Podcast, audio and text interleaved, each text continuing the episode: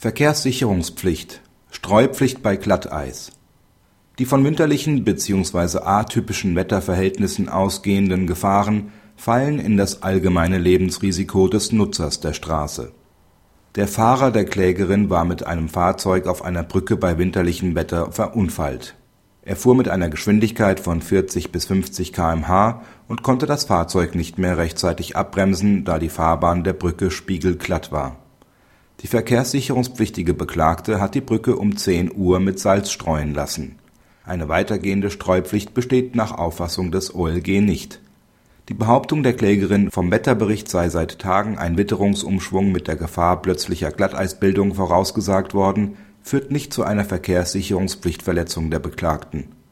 Die Beklagte ist nicht verpflichtet gewesen, im Hinblick auf den Wetterbericht tagelang prophylaktisch in verkürzten Intervallen vor bzw. nachzustreuen. Die von winterlichen bzw. atypischen Wetterverhältnissen ausgehenden Gefahren fallen grundsätzlich nicht in den Risikobereich des für die Straße zuständigen Verkehrssicherungspflichtigen.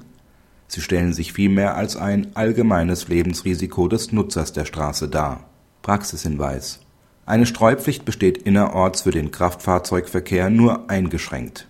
Nur an verkehrswichtigen und gefährlichen Stellen besteht eine Streupflicht. Gefährliche Stellen sind solche, an denen der Zustand oder die Anlage der Straße die Bildung von Glatteis begünstigt oder die Wirkungen des Glatteises erhöht, so dass diese besonderen Verhältnisse auch von einem sorgfältigen, den Straßenverhältnissen Rechnung tragenden Kraftfahrer nicht ohne weiteres erkannt werden können.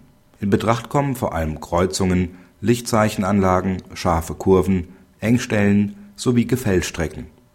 Verkehrswichtig sind insbesondere die Durchfahrten von Bundesstraßen sowie die innerörtlichen Hauptverkehrsstraßen